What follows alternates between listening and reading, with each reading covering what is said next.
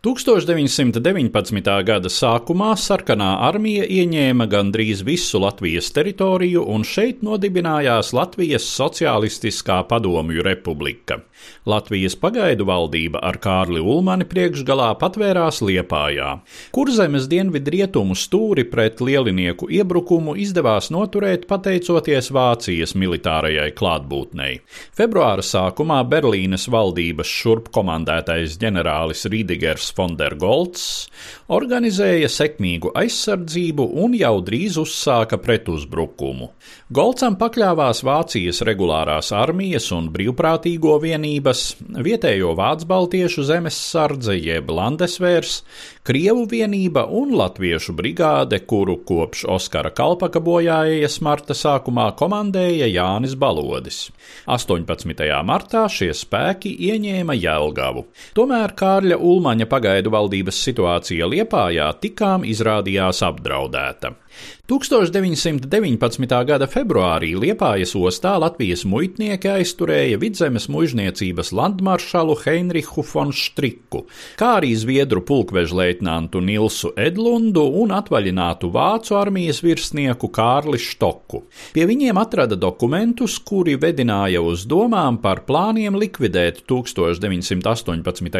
gadā nodibināto Latvijas republiku un veidot kādu Baltijas valsti, kurā lielāka ietekme būtu vācu baltiešu minoritātei. Fon Strikam un Edlundam izdevās pamest kurzemi, taču virsnieks Štoks palika apcietinājumā, un tas kļuva par zināmu iegānstu notikumiem 1919. gada aprīlī. Jau kopš aprīļa sākuma latviešu spēki sāka saņemt informāciju par kādu briestošu vācu militāru akciju, tomēr ministru prezidents Ulmanis bija pārliecināts, ka sabiedroto misiju un flotes eskadras klātbūtnē vācieši avantūras neatļausies. Tā izrādījās alošanās. Sākot ar 13. aprīli vācu spēki veica arvien intensīvākas provokācijas pret Liepājas karostā dislocētajām latviešu vienībām, atbruņojot atsevišķus sargposteņus un aizturot karavīrus. Uzbrukumus īstenoja Hansa von Manteifela komandētā Landesvēra triecienu grupa un no Vācijas ieradies tā saukto brīvkorpusu bataljons Franča Pfeffera von Solomona vadībā.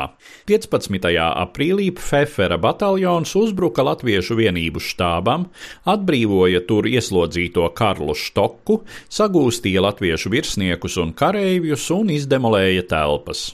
Nākamajā dienā pagaidu valdības iestādēm tika pārtraukti telefona sakari, un Pfeffera kareivji atkal uzbruka latviešiem karostā. Ulmanis, iekšlietu ministrs Miķelis Valters un vairāki virsnieki ieradās pie Fondergolca pēc paskaidrojumiem. Ģenerālis teicās neko nezinām un solīja noskaidrot, taču, kā vēlāk izrādījās, tieši šīs sarunas laikā vācu kareivji bija iebrukuši pagaidu valdības un apsardzības ministrijas telpās, arī tipogrāfijā, kur drukāja Latvijas rubļus, visu izdemolējuši un izlaupījuši. Šais incidentos tika nogalināti vairāki latviešu karavīri. Landesvēristi uz laiku aizturēja Miķeli Valteru un apgādības ministru Jāni Blumbergu. Ministru Prezidents Ulmanis sākotnēji patvērās Lielbritānijas pārstāvniecībā, pārējie kabineta locekļi vai nu slēpās pilsētā, vai pārcēlās uz Britu karakuģiem, no kurienes pēc ilgāka vai īsāka laika pārvācās uz Liepājas reidā noenkurotot vaikoni Saratovu. Karostā dislocētajai apmēram 250 vīru latviešu karaspēka vienībai, kas ieņēma aizsardzības pozīcijas, vācieši neuzbruka, visdrīzāk baidoties no sabiedroto eskadras spēku iejaukšanās. Tā 1919. gada 16. aprīlī tika īstenots pučs pret Kārļa Ulmaņa vadīto Latvijas Republikas pagaidu valdību. Vēsturnieki joprojām nav vienisprātis par to, kas bija galvenie šī apvērsuma iniciatori - Vācu baltiešu muizniecības aprindas vai Fondergolds un ar viņu saistītie spēki, kuri vēlējās Vācijas militārās un politiskās ietekmes saglabāšanu Latvijā. Lai kā arī nebūtu, pučs pučisti savu mērķi nesasniedza.